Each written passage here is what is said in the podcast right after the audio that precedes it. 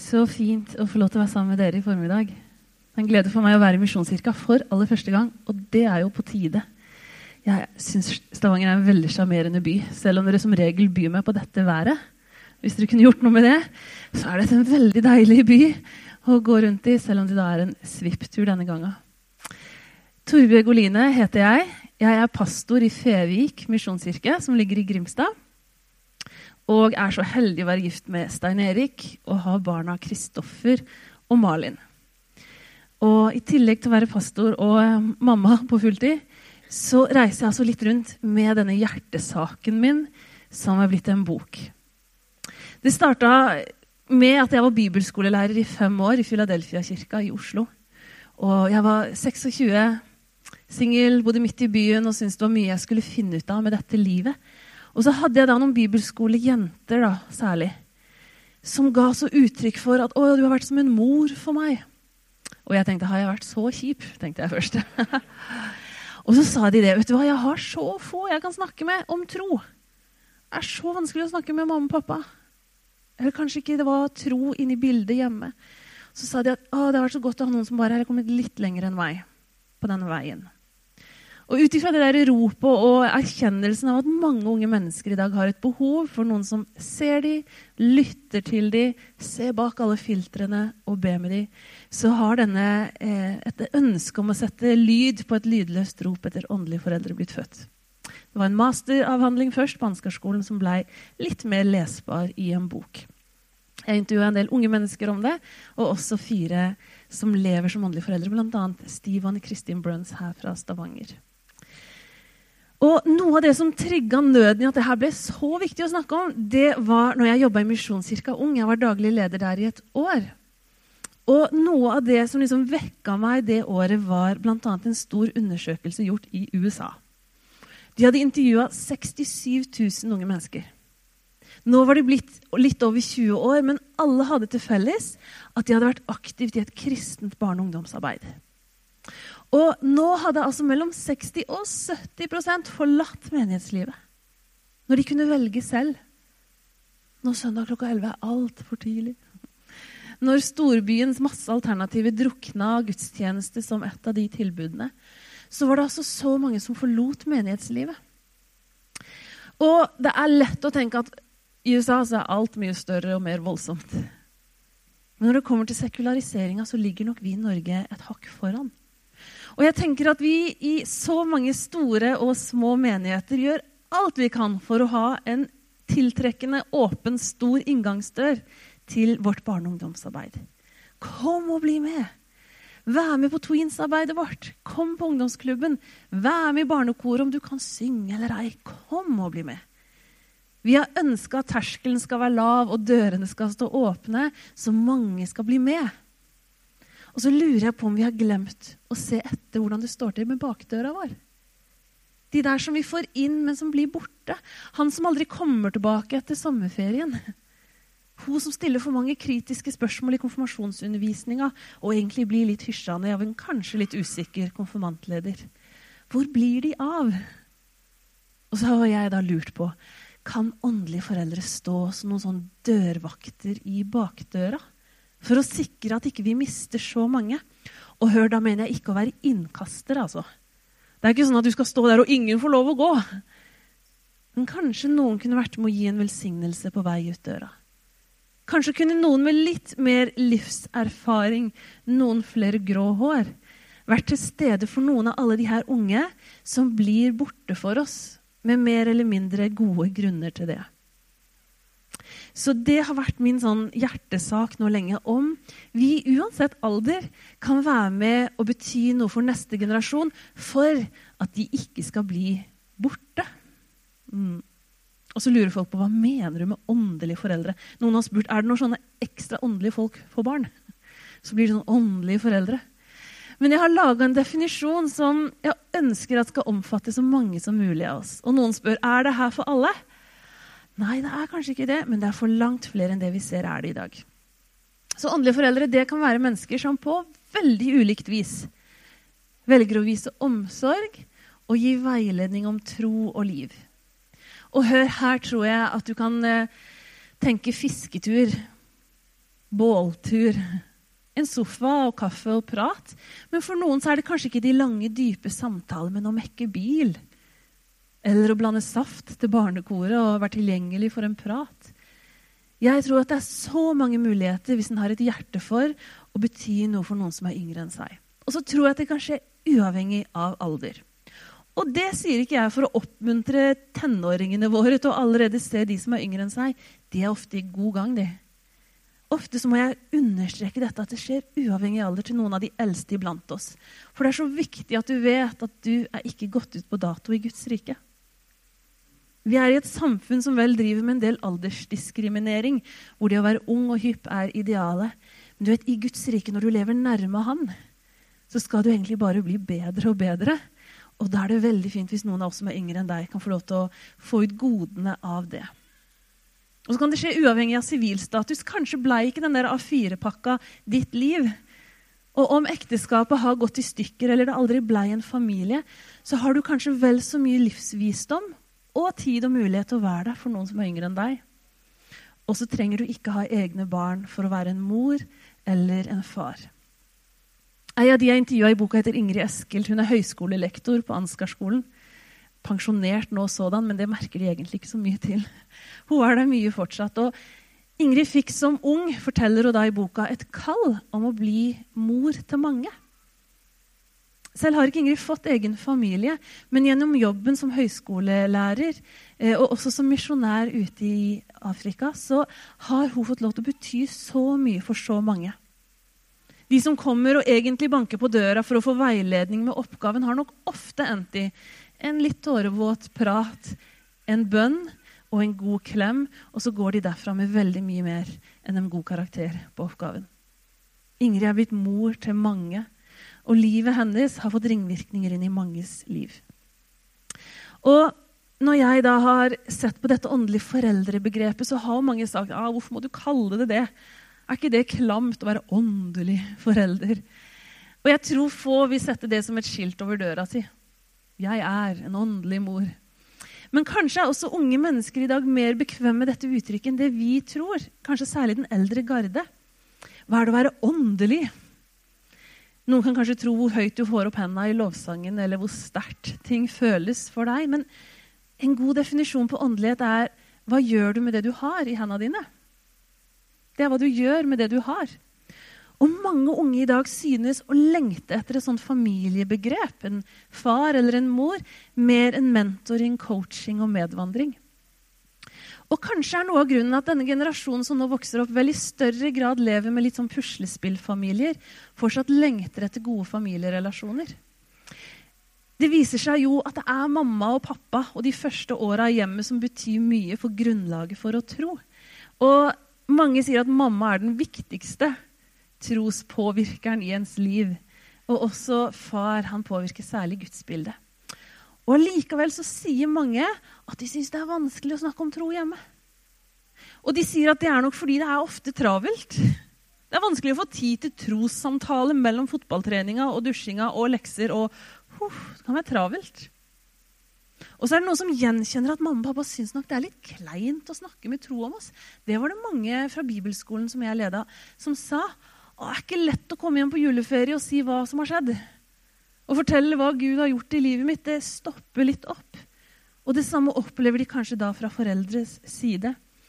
Og så er det mange som sier at ja, men når skulle det skje? Hvordan skulle vi kunne lage gode trosvaner hjemme? som kan muliggjøre de her viktige samtalene. Og kanskje kan nettopp da noen andre, noen som syns det er litt lettere, som har litt mer distanse, kunne være med å ha de her viktige pratene. Om tro, om tvil, om Guds nærvær, men også om Guds fravær. Og mitt hjerte er særlig for de som er unge og vokser opp i Norge i dag. Eh, det viser seg nok at det er når du bikker 20 og skal løsrive deg litt, unge mennesker i dag er utrolig glad i foreldra sine, viser forskning. Men, men, mange kjenner også at de trenger noen som eh, kan være der for dem, og som ikke er mamma og pappa. Og jeg tenker at mange unge mennesker i dag er litt sånn symptombærere på hvordan samfunnet vårt er i dag. Så kan du lure på hvorfor er det her viktig, og når kommer du til Guds ord? Og... Men det står i Guds ord at vi skal kjenne tida vi lever i. Og jeg tror vi skal være våkne for hva som kjennetegner Norge i 2019. Ikke for å bli fortvila eller håpløse, men for å høre Gud, hva er nøklene dine for vår tid? Hva er mulighetene du gir oss i vår tid? Hva er svaret på alle spørsmåla som stilles i vår tid? Og Det som kjennetegner mange unge i dag, langt opp i 30-åra, det er eh, kravet om å prestere. Unge mennesker kalles ofte generasjon prestasjon, blant mange andre ting. Og mange unge i dag jobber knallhardt for å bli et eller annet en dag. Og En stor undersøkelse viste at for fem år siden så svarte mange unge mennesker at liksom, å, hvor er du om 15 år? Åh, drømmen nummer én var å ha en familie og ha stifta et hjem. I fjor ble samme undersøkelsen utført, og da svarte de at de ville ha en jobb og en god karriere. Det har skjedd et skifte som handler om det går fra relasjon til prestasjon. Og mange unge mennesker i dag jobber knallhardt for å bli det de har sett for seg å bli sånn karrieremessig. Og den, det begrepet generasjonprestasjon det var altså ment å, å, fange opp det at det er veldig mange unge som mener at ikke de bare skal være bra, men best. Og vi skal ikke bare liksom klare det der å få barn, men vi skal jammen meg trumfe det. Vi skal være knallgode, freshe, good looking med masse overskudd småbarnsforeldre som gjerne danderer de her søte små på et ullteppe. Og der ser de utrolig søte ut i de første månedene av deres levetid. Og så vet alle de det er jo ikke sånn småbarnsfasen er, men vi jobber hardt for at det skal se ut som at det her klarer vi bra. Og krava er mange, og søken etter bekreftelse er kanskje enda flere. Vi kan gjenkjenne det i eget liv, og så tror jeg likevel at mange som også er hakket yngre enn oss, kan kjenne enda mer på det. Et press om å se og bli sett, men også bli sett på den riktige måten fra den rette sida med det peneste filteret, og fremgi i hvert fall en illusjon om et vellykka liv. Ei ung jente jeg snakka med, satt på telefonen og sa det. Åh, jeg kunne ønske jeg var så lykkelig som jeg ser ut som på Instagram. Så vi kan presentere en løgn vi kunne ønske vi trodde selv. Og det at så mange lever livet på skjerm Ja, gjør vi ikke alle det? Den telefonen har tatt mye plass. Men det at så mye av det sosiale liv i dag skjer på nett, det skaper en annen travelhet og en annen sånn følelse av å være hektisk. Tilgjengelig, samtidig ensom. Og ensomheten øker dere. Både blant unge mennesker, men også studenter, unge i arbeidslivet, og også opp i nygift og nyetablerte, som kjenner på en dyp ensomhet. Når skjedde skiftet? At vi gikk fra det å være til det å skulle prestere? Når det gikk fra den der kampen mellom prestasjon til person? Når er det blitt viktigst å fremstå bra i forhold til det å skulle være den du er, kjenne den du er og være glad i den du er? Unge mennesker i dag vokser ikke opp i et vakuum, men de har fått de her innspillene og tanke, dette tankegodset fra noen. Og der tenker jeg at også vi foreldre må ta vårt ansvar. Med at vi er med å bekrefte hverandre på det vi er, og ikke det vi gjør. Med at vi ofte nok sier vet du hva, det er bra nok. Hvil. Det er bra nok. Ikke minst tenker jeg at for generasjon prestasjon så er evangeliet en fulltreffer. Tenk Jesus som strakte ut armene, korsfesta på korset, og så sier han det er fullbrakt.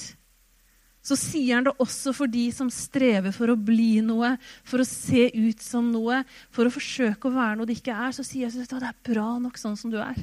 Det aller viktigste er gjort ferdig. Og tenk at vi har en Gud som sier, som rett inn i vår tid sier, kom. Kom til meg, du som strever. Og du som har tungt å bære. Enten det er mangelen på likes, eller om det er nettmobbing. Om det er krav om å skulle se sånn og sånn ut, eller å bli det og det. Så tenker jeg at Jesus sine ord om hvile er helt perfekt til vår tid, til denne aldersgruppa, men det er også perfekt for deg og for meg. At vi skal få lov til å tjene ut ifra hvilen.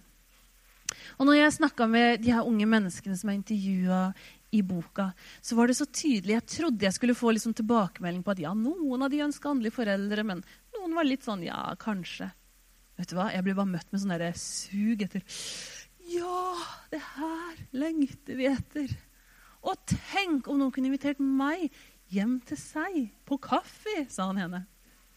Så sa en annen gutt at han kunne så utrolig ønske seg en som var sånn 50 pluss.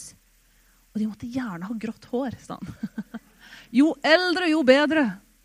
Jeg syns hun hadde gjort et skup. Hun, hun, hadde funnet det hun kalte sine åndelige besteforeldre. De var godt over 70, så sa hun vet du hva, de har tid til meg. Helt lykksalig over at noen hadde tid til henne.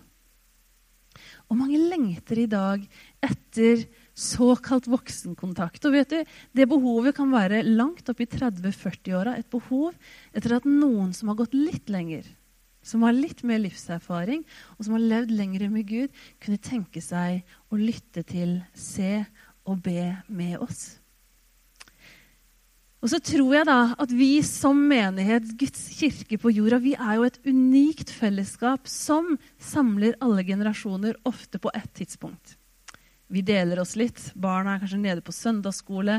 Vi har egne treff for generasjonene i tillegg. Men det er ganske unikt, denne samlinga med alle generasjonene. Og potensialet som ligger i det, er enormt. Og så ser vi allikevel at det er jammen meg vanskelig å få til. Kanskje dere har naila det her, men jeg har vært i så mange sammenhenger. Og jeg syns det har vært vanskelig å få til det her fellesskapet, særlig den gudstjenesten som vi er på nå søndag klokka 11, hvor vi skal samles, og så skal alle ha det bra. Skal alle være fornøyd. Og så er vi jo oftere et nakkefellesskap enn at vi ser hverandre inn i øya, og så kjenner vi hverandre, og så ber vi sammen, og så blir vi glad i hverandre. Derfor er kirkekaffen kanskje noe av det viktigste som skjer i vårt fellesskap. Men jeg ser at det også skaper mye spenning og til tider uro i menigheter. Det at det er jo ikke så lett å være menighet sammen som det ser ut som. Og det er ikke alltid vi møtes fordi vi er i samme rom. Og dette skillet mellom generasjonene det er jo særlig tydelig i samfunnet. Men vi kan også se at menigheten også har tydeliggjort hvor vanskelig det av og til er, dette fellesskapet. Og nå når jeg har reist en del rundt i egentlig veldig mange norske kirkesamfunn, så ser jeg at noe av det vanskeligste for oss som Guds folk, det er når vi skal være sammen, det er den her vanskelige musikken. For vi kan møtes i foajeen, og vi kan klemmes og si det er godt å se hverandre. og Åh, nå er vi familie, dere. Og så slås den første tonen an i gudstjenesten. Og brått vil 17-åringen og 70-åringen kjenne seg som på hver sin planet. Den ene fryktelig fremmedgjort, og den andre helt hjemme. Avhengig av om den første tonen blir slått av et orgel eller en elgitar. Og det er ingen tvil om at særlig musikken, sangen, lovsangen, tilbedelsen, fellessangen er noe av det som skaper sterkest følelser i oss. Både av de gode, de gode minnene, følelsen av tilhørighet, følelsen av ærefrykt og nye opplevelser av hvem Jesus er. Men kan jammen meg skape en del av de litt dårlige følelsene. Følelsen av å være fremmed i sitt eget hjem. Følelsen av å være utdatert. Følelsen av å være utafor. Og min erfaring er at det er disse samtalene som ofte skaper høy spenning når vi tør å snakke om dem. Og Dessverre så er det også her vi kanskje viser noe av det som ikke er våre beste sider. Jeg har hørt om en menighet, og det er trist, som liksom har spurt to litt godt voksne til å ha en litt spesiell tjeneste etter søndag formiddagsgudstjeneste. Og det var å be for å liksom plukke opp lovsangsteamet etter at de hadde leda lovsangen møtt menigheten med sine varierte tilbakemeldinger, for så å kunne komme til de to og bli bedt for, og av og til litt trøsta etter søndags formiddags tjenesten sin. Fordi det var mye blanda reaksjoner og til tider skarpe tunger til unge mennesker som på en måte hadde overtatt denne lovsangstjenesten i en menighet som hadde et mer variert musikkuttrykk før. Det var jo ikke sånn det skulle være. At det skulle være så krevende å stå i en tjeneste i menighet. Men sannheten er at mange menigheter har opplevd at denne lovsangsbølgen som har kommet og egentlig overtatt musikkutvalget, holdt jeg på å si, den har også skapt en del eh, spenninger, mye følelse av savn. Og så har vi kanskje litt for lenge vært i en sånn enten-eller-bevegelse. Så tror jeg at tida er inne for både og. Og jeg tror når Paulus sier at vi skal synge av hjertet for Herren, både salmer og hymner og åndelige sanger, så kunne utvalget med fordel vært større, og musikkstilen i større grad vært mer variert. Og jeg tror mange flere skulle vært på banen enn det som er nå. Men jeg tror også at vi som gudsfolk må finne en bedre måte å snakke om noe av det vanskeligste om på. Og mange unge sier jo da at det er vanskelig. Når Jeg har vært sanger selv i et lovsangsteam, og når man kommer ned og liksom kjenner at åh, nå er jeg gitt jernet, og så får man høre ja, men det var altfor høy lyd, som de sier på Sørlandet.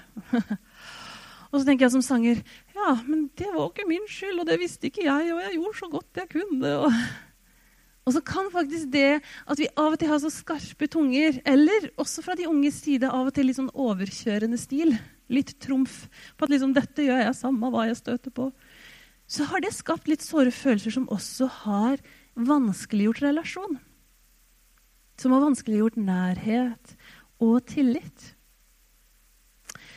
Og så møter jeg en del unge mennesker som i tillegg til dette også opplever at når de kommer i etablerte menigheter, ofte fordi de ønsker relasjon med litt eldre, mer livserfarne eh, mennesker, så opplever de at de ikke blir tatt imot, og kanskje heller opplever at mange voksnes travelhet kan oppleves som en avvisning. Jeg hadde flytta til ny by fra bedehuset på bygda.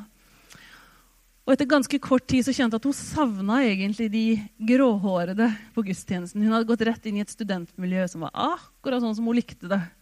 Og så begynte hun å kjenne at hun savna egentlig det å ha noen av de eldre. Og en gang så mamma hun sa opp og sto opp grytidlig, så hun rakk søndagsgudstjenesten klokka 11. Og etter gudstjenesten var hun spent, og hun satte seg ned på bord med noen av de hun liksom hadde sett for seg og hadde lyst til å bli kjent med. Men de spratt opp. Nei, men du skal få slippe å sitte med oss, sa de. Du må, komme, du må få bli kjent med de unge. Kom, ta imot. Hun er jo ny og er ung. Og... Ja, men det var jo de hun egentlig var der for å bli kjent med. Og så tror jeg jo ikke at det er vond vilje. Men unge mennesker i dag er mye mer interessert i kontakt og relasjon med godt voksne enn du vil tro. Og hør, det handler ikke om at du må prøve å være så kul. Det handler bare om å være trygg og ungdomsopprøret som før kjennetegna det å være tenåring, det er stort sett borte. Unge mennesker i dag er innmari glad i foreldra sine, og da er de enda mer glad i besteforeldra sine. Så det at unge mennesker i dag står med litt sånne åpne hender og dirrende hjerter fordi de gjerne vil ha voksenkontakt, det må også den eldre garde benytte seg av og tenke jammen meg skal jeg sette meg på et nytt bord. Jammen kan jeg fortsatt steke Grandiosa på ungdomsklubben selv om jeg ikke kjenner noen der. Og jeg pleier å si at i ungdomsmøter eller samling for unge mennesker, så er det alltid de gråhåra forbederne som får lengst kø foran seg.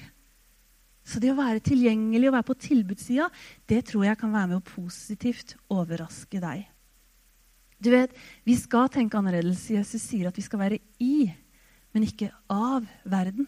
Og da må vi av og til også ta en sånn U-sving og avkle oss noen av tankene som preger samfunnet, og så få Guds hjerte for både hva han tenker om oss, meg og deg, og hva han tenker om den generasjonen vi er kalt til å bety noe for. I boka så intervjuer jeg en som heter Steve Bruns. Han er en av pastorene i Imi-kirka. og Han er da 50 pluss. Og jeg syns han er ganske så rå og brutal og ærlig i sitt utsagn om sin egen generasjon. Disse som jeg tenker er dere etterlengta, dere som er ønska og savna. Han sier at mange i 50 pluss-generasjonen har endelig fått barna ut av huset. Og så bruker de tida på oppussing og reising. Jeg får lyst til å spørre dem har dere brukt så mange år på å bygge kompetanse, og så skal dere kaste det bort. En ting er menneskelig sett, men i menighetsperspektiv spør jeg meg hva har vi lært hverandre? Setter også vi kristne egne behov først?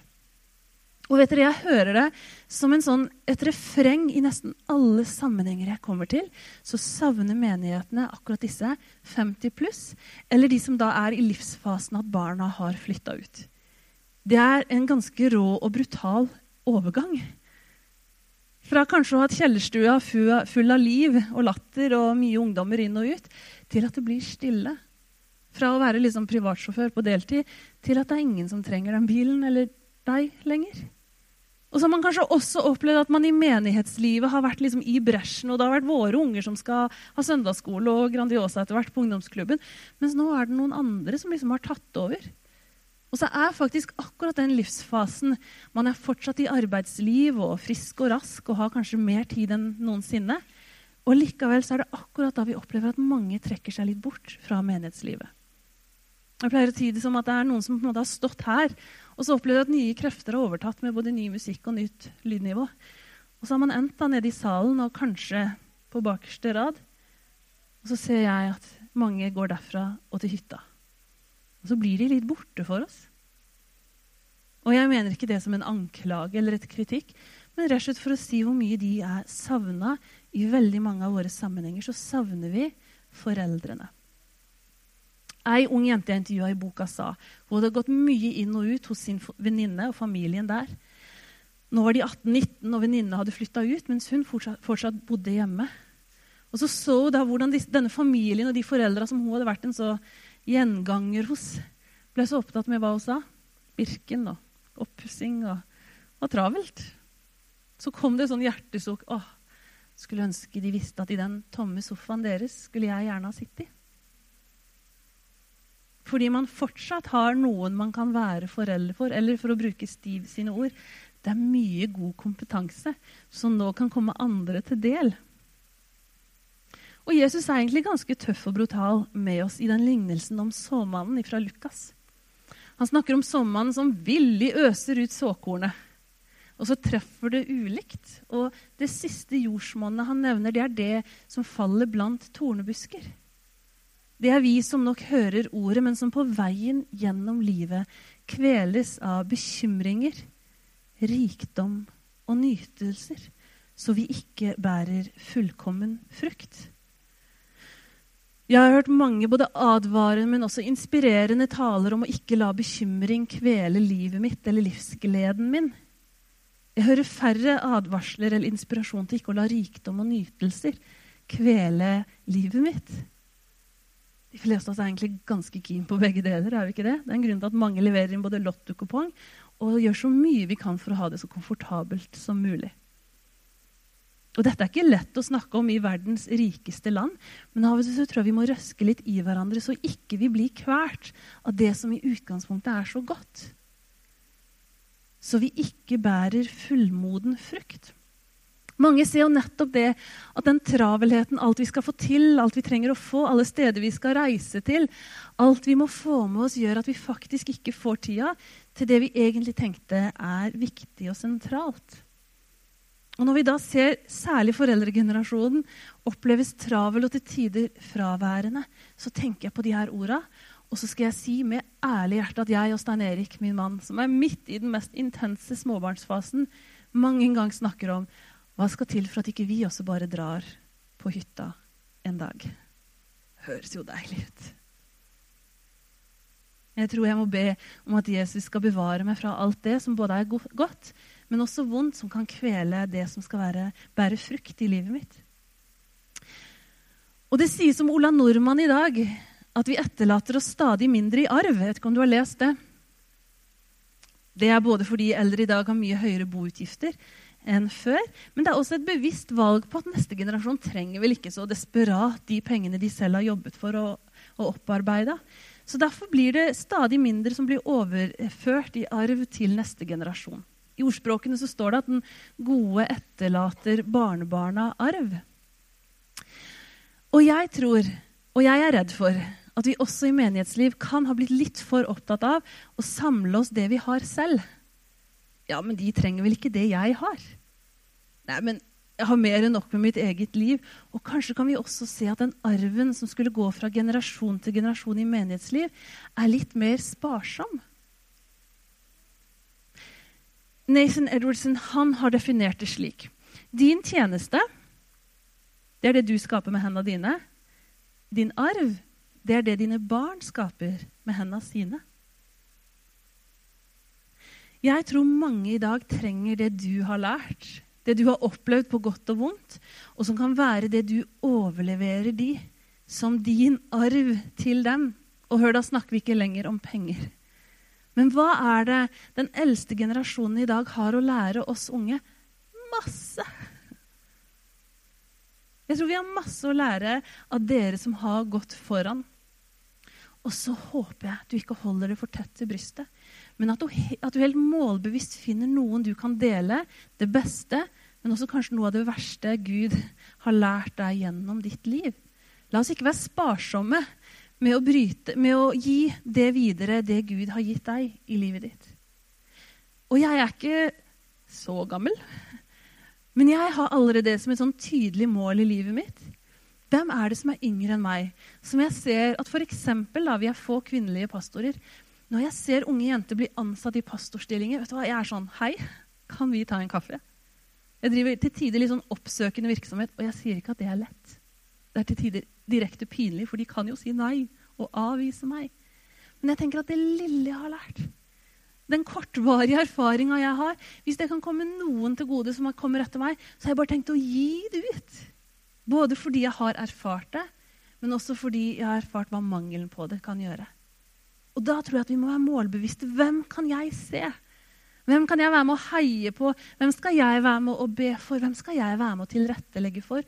Og i en stormenighet hvor vi er alle generasjoner, så er det ikke mye som skal til for at du kan muliggjøre at noen får enda mer ut av eh, gudstjenestelivet, og at troslivet deres blir styrka.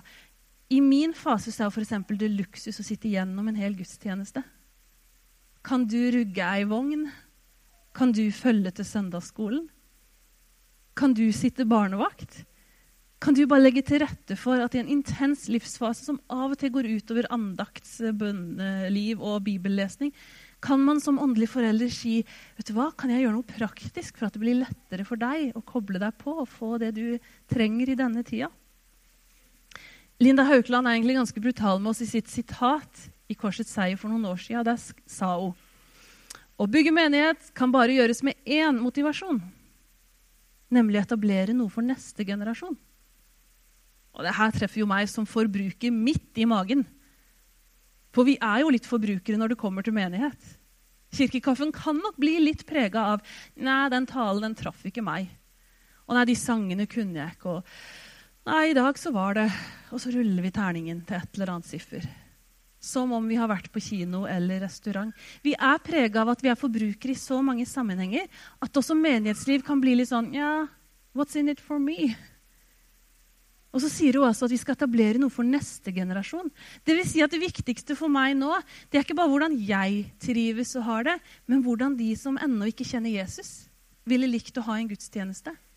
Jeg tror at I neste generasjon så er det virkelig våre barn og unge. Jeg tror også vi i vårt land nå er betrodd mange som er neste generasjons kristne. Enten de kommer med en tro eller med en helt desillusjonert tro og skal få lov til å møte Jesus her i Norge.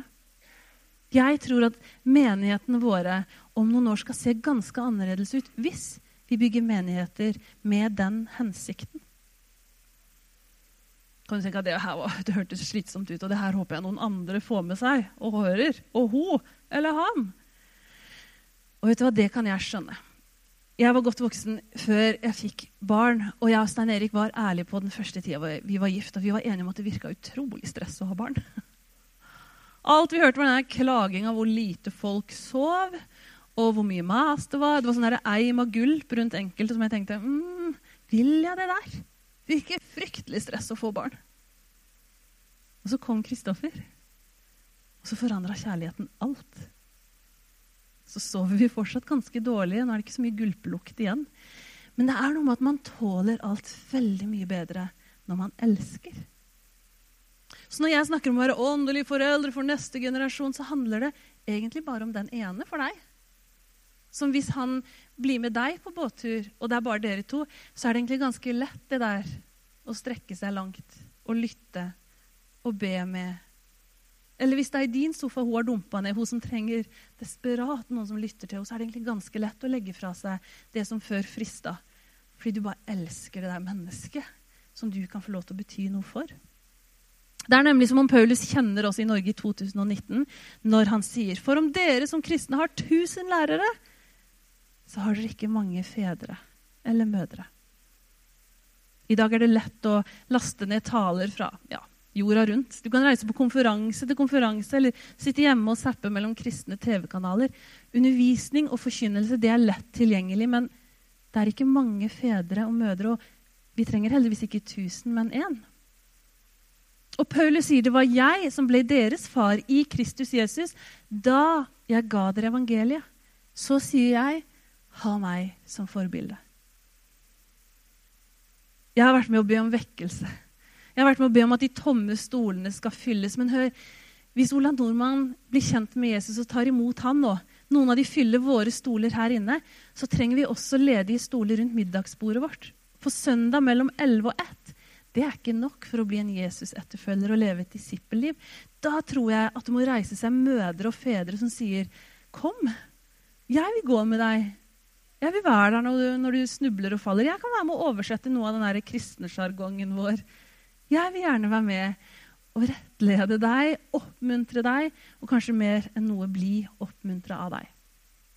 Jeg tror at Hvis vi skal bli flere, så må vi også tenke at vi skal være fedre og mødre for de som kommer. Og Han nevner at Timoteus, hans kjære og trofaste sønn i troen på Herren, han skal mindre om min vei i Kristus, slik som jeg lærer overalt i alle menighetene.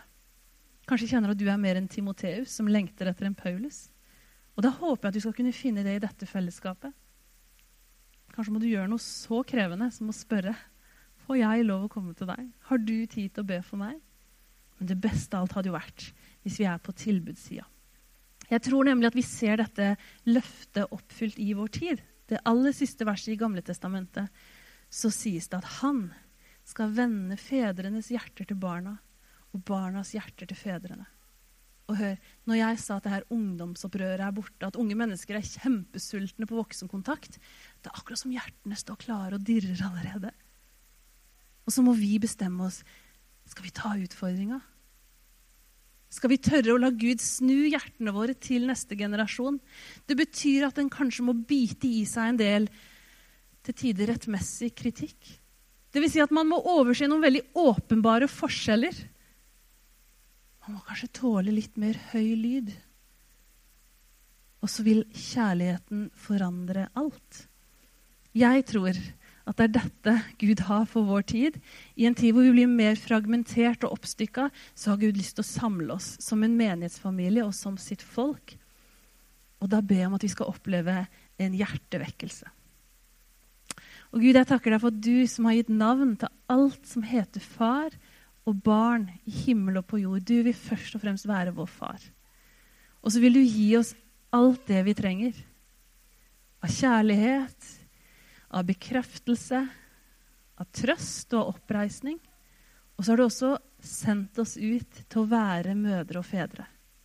Og så ber jeg om at du skal fylle oss opp med den kjærligheten, tålmodigheten og rausheten det krever av oss. Herre, jeg ber deg om at Misjonskirka her i Stavanger skal bli kjent for å være et godt hjem, hvor familierelasjonen fungerer. At du har kommet inn og helbreda og forsont og gjenoppretta og skapt nye og gode relasjoner, Herre. Og så ber jeg om at når de tomme stolene fylles av nykristne, kanskje også fra andre land, så vil det være familier og mødre og fedre som står klare til å gå den veien sammen med de. Herre, velsign dette stedet med massevis av din ånd, av din fred og av din ledelse. Og vi ber, Herre, om en hjertevekkelse. I Jesu navn. Amen.